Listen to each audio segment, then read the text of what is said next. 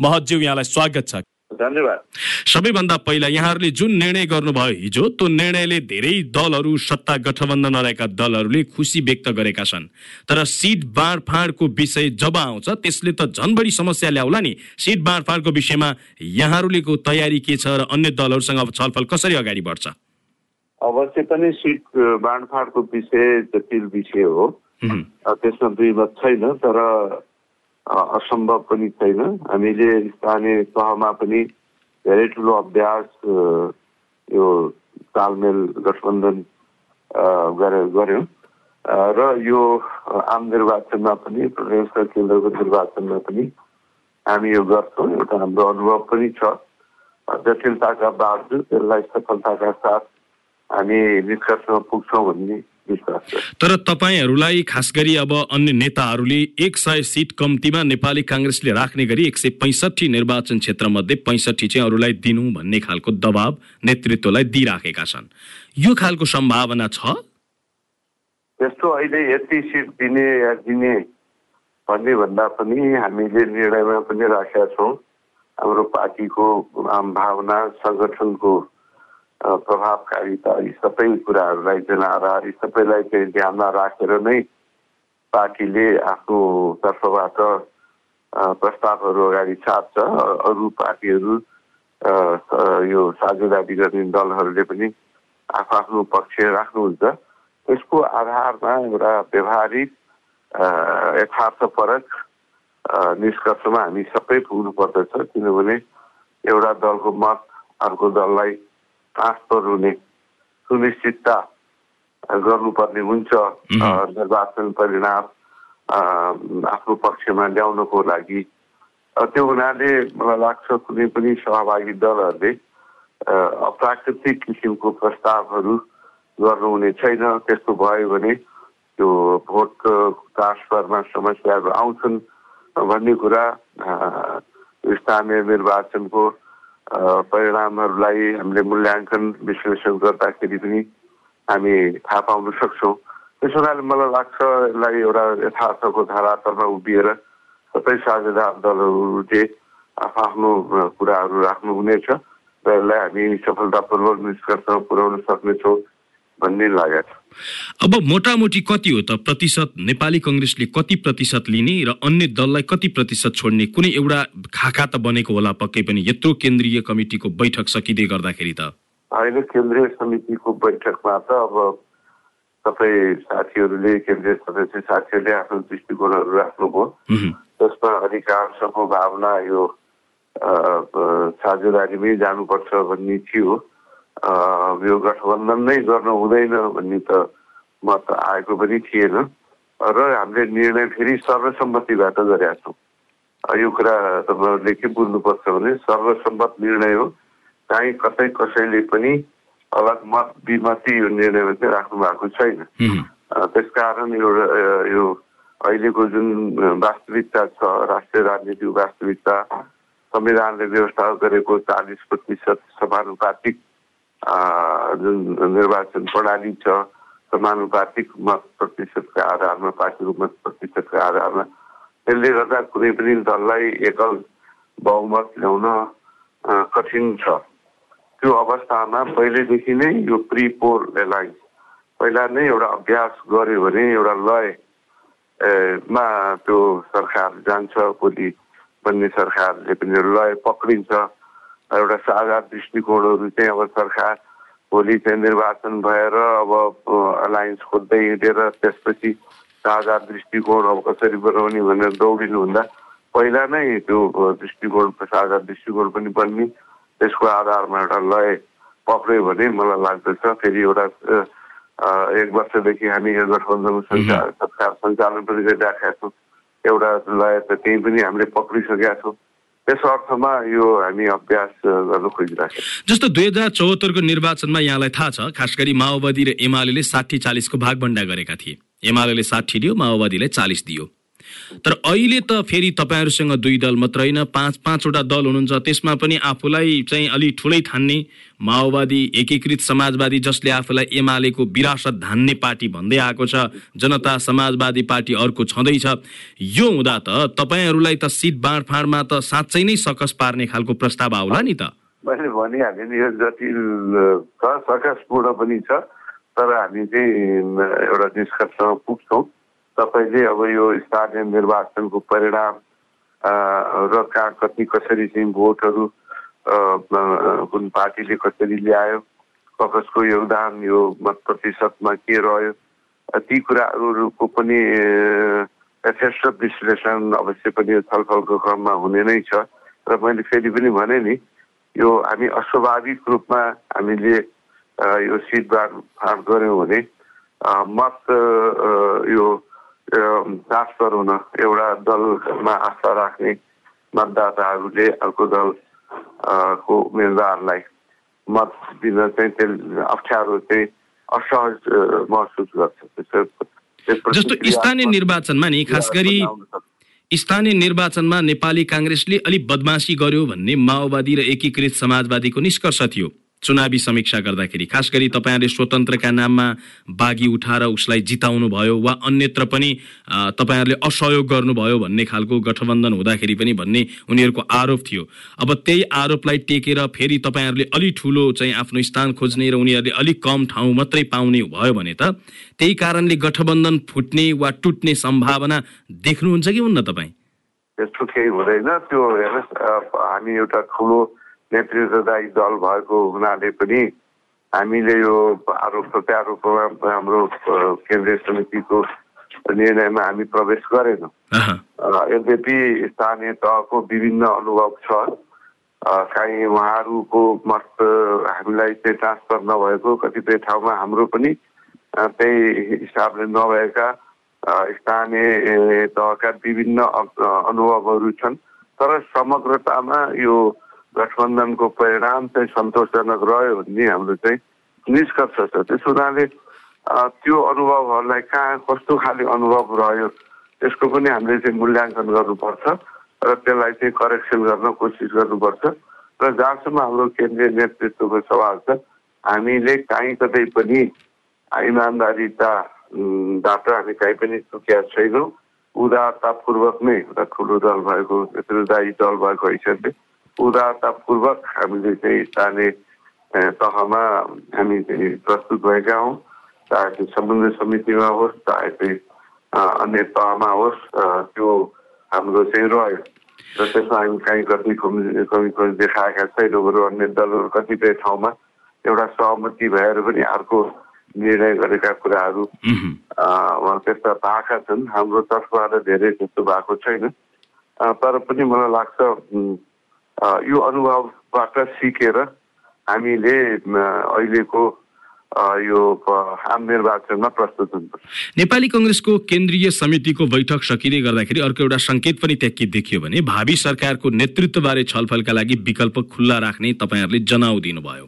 यसको अर्थ के हो? भावी नेतृत्व भनेको सरकारको नेतृत्वका लागि पनि छलफल गर्न सकिन्छ। जसरी सिट बाँडफाँडका विषयमा छलफल चल्छ त्यसै गरी निर्वाचन पछिको आगामी नेतृत्वका विषयमा पनि कुन दलले गर्ने भन्ने विषयमा पनि छलफल गर्न सकिन्छ भन्ने एउटा तपाईँहरूको त्यो निर्णयले कता त्यो खालको जनाउ दिन्छ? त्यस्तो छैन नेपाली काङ्ग्रेसको नेतृत्वमा नेतृत्वदायी भूमिका हाम्रो छ र हामी त्यो नेतृत्वमा नै यो अगाडि बढ्छ भन्ने त्यसमा स्पष्ट आशय छ भनेको चुनाव पछि गठबन्धनले बहुमत ल्यायो भने कि काङ्ग्रेसले नै सरकारको नेतृत्व गर्ने हो? अब यो ठुलो दलको हैसियतले हाम्रो स्थानीय तहको निर्वाचनको परिणामले पनि देखाउँछ जनाधारले पनि देखाउँछ त्यसकारण अब भोलि ठ्याक्कै के स्वरूप हुन्छ कसरी हुन्छ त्यो छलफलमा आउने नै छ। तर मलाई लाग्छ यो कुरालाई कुनै दलले पनि अस्वीकार गर्न सक्दैन तर माओवादी अध्यक्ष पुष्पकमल दाहाल प्रचण्ड त सरकारको एकपटक नेतृत्व गर्ने मेरो इच्छा छ भनेर बोल्दै हिँड्नु भएको छ होइन त्यो उहाँले स्वाभाविक रूपमा इच्छा राख्नु कुनै अनुचित हामीले ठानेको छैनौँ अवश्य पनि यो कालखण्डमा कुनै बेला उहाँले नेतृत्व गर्नु होला त्यो सम्भावना लाई कसैले नकारेको छैन तर स्वाभाविक रूपमा नेपाली काङ्ग्रेस ठुलो दल हो र नेपाली काङ्ग्रेस को नेतृत्वदायी भूमिका हुन्छ त्यही हैसियतमा अहिले छ भोलि पनि त्यो स्थितिमा रहन्छ चिनिया विदेश विभाग प्रमुखको नेपाल भ्रमण र प्रचण्डको दिल्ली भ्रमणलाई चाहिँ कङ्ग्रेसले कसरी हेरेको थियो हेर्नुहोस् अब एकअर्कामा जाने आउने क्रम भइ नै राखेको छ सबै मित्र राष्ट्रहरूका प्रतिनिधि मण्डल विभिन्न तहको प्रतिनिधि मण्डल हाम्रो पनि पार्टी तहमा सरकारी तहमा भ्रमण भइरहेका छ त्यो भ्रमणहरू राम्रो हो एकअर्कालाई चाहिँ जान्ने बुझ्ने अन्डरस्ट्यान्ड गर्ने अवसर त्यसले दिन्छ। तर समग्रमा हामीले आफ्नो कुरा चाहिँ आफ्नो देशको आवश्यकता र चाहिँ स्वार्थलाई मध्यनजर राखेर नै हामीले गर्नुपर्छ। त्यो काम हामीले गर्दै आएको। वाम गठबन्धनको सम्भावनाको विषयलाई यहाँहरूको बैठकले नकार्यो कि त्यो सम्भावना अझै पनि छ अलि सजग भएर अघि बढ्नुपर्छ भन्ने खालको यहाँहरूको निष्कर्ष हो? अहिले अब हामी यो गठबन्धन दलमा रहेका साझेदार दलको नेतृत्व निरन्तर रूपमा यही गठबन्धनलाई निरन्तरता दिने कुरा भइ नै राखेका छ त्यसमा हामी हामीले विश्वास पनि गरेका छौँ। र त्यस्तो अन्यथा होला भन्ने हामीले छानेका छैनौँ। अब अर्को कुरा पार्टीको पार्टीको गतिविधितर्फ प्रवेश गर्न चाहे मैले। खास गरी पार्टीभित्र कोषाध्यक्षदेखि लिएर विभिन्न विभागहरूले पूर्णता पाउनेसम्मको कुराहरू थियो तर त्यो सबै हुन सकेन। किन त्यस्तो भयो? होइन अब विभागको पूर्णता यो केन्द्रीय समितिले दिने होइन होइन? त्यो पार्टी सभापतिजीलाई नै अधिकार छ र उहाँले अब तत्काल यसलाई पूर्णता अ, दिन म थाल्छु भनेर चाहिँ उहाँले भन्नु पनि भएको छ र त्यो अनुसार चाहिँ पूर्णता प्राप्त गर्छ।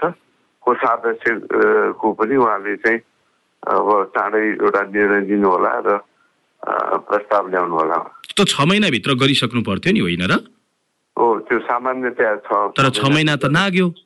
हो छ महिना सामान्यतया छ महिनामा हो तर कुनै त्यो एउटा मोरल बाइन्डिङ हो। अब लामो समयसम्म नबनेर नबसोस् भन्ने एउटा चाहिँ व्यवस्था हो विधानको त्यो छ महिना नाग्यो भने नै नपाइने अथवा चाहिँ एकदमै अनौठो नै हुने विचित्रै हुने भन्ने कुरो होइन तैपनि अब लम्ब्याउनु हुन्न धेरै ढिला गर्नुहुन्न समयमै गर्नुपर्छ भन्ने कुरामा दुई मत छैन र अब त्यो धेरै ढिला जाँदैन अर्को कुरा खास गरी तपाईँहरूले मङ्सिरमा महाधिवेशन गर्दाखेरि नीतिका विषयमा चाहिँ हामी पछि अर्को अधिवेशन गर्छौँ भन्ने तपाईँहरूको थियो त्यतिखेर तर त्यो नीति अधिवेशन त कहिले हुने त्यसको कहीँ कतै छलफल कहीँ कतै। कुनै विषय नै उठेन जुन निर्वाचन आयोगलाई हामीले अधिवेशन गरेर समयमा नयाँ कार्य समिति पेश गर्नुपर्ने जुन त्यो ऊ थियो।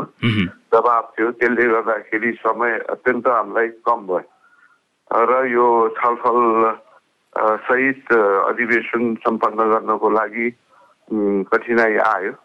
त्यसो हुनाले हामीले त्यस बेलामा निर्वाचन चाहिँ गरिहाल्ने र अरू जुन हामी विभिन्न आर्थिक सामाजिक राजनैतिक विषयवस्तुमा छलफल गर्थ्यौँ प्रस्तावहरू पारित गर्थ्यौँ त्यो कुरा चाहिँ महाधिवेशनले गर्न भ्याएन। त्यसै हुनाले त्यस बेला के निर्णय गरियो भने यो विभिन्न प्रस्तावहरूमा जुन छलफल हुनु पर्थ्यो त्यो अहिले हुन नसकेका हुनाले ती कुराहरूको लागि चाहिँ फेरि चाहिँ यो यही महाधिवेशनका प्रतिनिधिहरू अ, को उपस्थिति गराएर नीति अधिवेशन गर्ने भनेर चाहिँ निर्णय गरियो र त्यो अब अहिले चाहिँ स्थानीय निर्वाचन विविध कारणले फेरि चाहिँ आम निर्वाचन पनि आउँदैछ। गर्दाखेरि हामीले चाहिँ तत्कालै गर्न चाहिँ सम्भव भयो भनेको यो आम निर्वाचन पछि भनेको आगामी संसदीय निर्वाचन पछि मात्रै यो नीति अधिवेशनका कुराहरू उठ्न सक्छन्? अब त्यो नीति अधिवेशन हुन्छ त्यसको तयारी हामी पहिला नै गर्छौँ। त्यसको कार्यतालिका पनि पहिला नै सार्वजनिक हुन सक्छ। तर यसको सम्भावना नीति अधिवेशन हुने सम्भावना चाहिँ यो आम निर्वाचन पछि नै हुने म देख्छु अलिकति नि सभापति देउबाको कार्यशैली र सरकारको विषयलाई लिएर महामन्त्रीहरूले नै असन्तुष्टि जनाउन थाले। खास गरी महामन्त्री द्वय गगन थापा र विश्वप्रकाश शर्माले सरकारको अब बचाउ गर्दै हिँड्न सकिँदैन भन्न थाल्नुभयो उहाँहरूले। र देउबाको कार्यशैलीमाथि प्रश्न उठाउनु भयो यस्तो अवस्था किन आयो? सभापति खास त्यसै गरी अघि बढ्नु भएको हो? होइन हेर्नुहोस् त्यो त केन्द्रीय समितिमा फेरि उहाँहरूका विषयमा पनि धेरै साथीहरूले प्रश्न गर्नुभएको छ अब प्रश्न त अब सबैले सबैमाथि गर्छन् त्यसको अर्थ यो होइन कि अब त्यस्तै स्थिति भएको छ भनेर निष्कर्षमा पुग्नु हुँदैन पार्टी सभापतिको एउटा के छ भने विशेषता उहाँ चाहिँ सबैलाई समझदारीमा लिएर सबैलाई सहमत गराएर निर्णय गर्ने उहाँको बानी छ। त्यो गर्दाखेरि केही कतिपय निर्णयहरू अलिक ढिला पनि हुन्छन् तर सही हुन्छन् ठिक हुन्छन् र त्यसले तर महामन्त्री गगन थापाले के भन्नुभयो भने सभापतिले गरेको निर्णय हामीले पत्र पत्रिकाबाट थाहा पाउनुपर्छ त्यो भएर प्रतिक्रिया पनि पत्र पत्रिकामै आउँछ भन्नुभयो। उहाँले यो पनि भन्नुभयो कि ती कुराहरू चाहिँ थाहा दिनु खोज्दा फोनै भन्ने पनि कुरा गर्नुभयो नि। त्यस हुनाले अब यी कुराहरू चाहिँ भन्ने कुरा हुन्। तर वास्तविकता को धरातलमा हामीले उभिएर कुरा गर्नुपर्छ। यो शासन सत्ता चलाउने कुरा सहज छैन। हामी पनि चाहन्छौँ अझ चाहिँ प्रभावकारी ढङ्गबाट चाहिँ सरकार सञ्चालन होस्। जनताका पिरहरूका आवश्यकताहरूलाई तत्काल तत्काल त्यसको चाहिँ सम्बोधन होस् होइन? निर्णयहरू चाहिँ फटाफट हुन् पार्टीमा पनि होस् सरकारमा पनि होस्। के अरे जनताले कुनै पनि खाले अप्ठ्यारोहरू चाहिँ भोग्न नपरोस् भन्ने त हाम्रो सबैको इच्छा छ तर चाहिँ हाम्रो चाहिँ साधन स्रोतको सीमितता यो चाहिँ गठबन्धन दल को लिएर हिँड्नुपर्ने एकल निर्णय तत्कालै गर्न नसक्ने सबैको चाहिँ समर्थन जुटाउनु पर्ने विभिन्न मन्त्रालय विभिन्न पार्टीको नेतृत्वमा छ। त्यसमा चाहिँ के छ भनेदेखि प्रधानमन्त्रीले निर्णय गर्दा चाहिँ विभिन्न कुराहरूलाई चाहिँ ध्यानमा राख्नुपर्ने र उहाँहरूलाई चाहिँ सम्झाउनु पर्ने कुनै गलत काम हुन थाल्यो भने फेरि त्यो पार्टीको पनि विश्वास लिएर मात्रै निर्णयमा पुग्नुपर्ने। यी कुराहरूले गर्दा कतिपय कुराहरू चाहिँ यस्तो नभइरहे भए हुन्थ्यो भने हामी सबैलाई लागेको छ। तर चाहिँ ती कुराहरू चाहिँ हामीले चाहिँ बाहिर भन्दै हिँड्नु भन्दा पार्टी भित्र सम्बन्धित तहमा र सम्बन्धित नेतृत्व अ, लाई त्यो कुराहरू चाहिँ स्पष्ट गर्यो भने त्यो चाहिँ उपयुक्त हुन्छ। होइन पार्टीको सिनियर नेताहरूले नै तपाईँको सरकारको आलोचना गर्नुपर्ने स्थिति आयो भनेपछि त सरकार त कसरी चलिरहेको रहेछ त हेर्नुहोस् त। हेर्नुहोस् आलोचना भन्ने त तपाईँले अब पार्टीभित्र चाहिँ पक्ष विपक्ष छ। अब हामी भए चाहिँ अझ राम्रो गर्थ्यौँ फलानुले चाहिँ राम्रो गर्न सकेन भनेर चाहिँ आफ आफू चाहिँ अझ ज्यादा सक्षम आफू ज्यादा चाहिँ यो पार्टीलाई हाँक्न सक्ने देशलाई हाँक्न सक्ने भनेर चाहिँ प्र- प्रस्तुत गर्ने त्यो कोसिसहरू हुन्। तर त्यो कोसिस गर्दाखेरि यो पार्टीलाई कति क्षति क्षति हुन्छ भन्ने कुरालाई पनि हामीले मध्यनजर राख्नुपर्छ नि त। आखिर त केन्द्रीय समितिको बैठकले सर्वसम्मतिबाट के पारित गर्यो।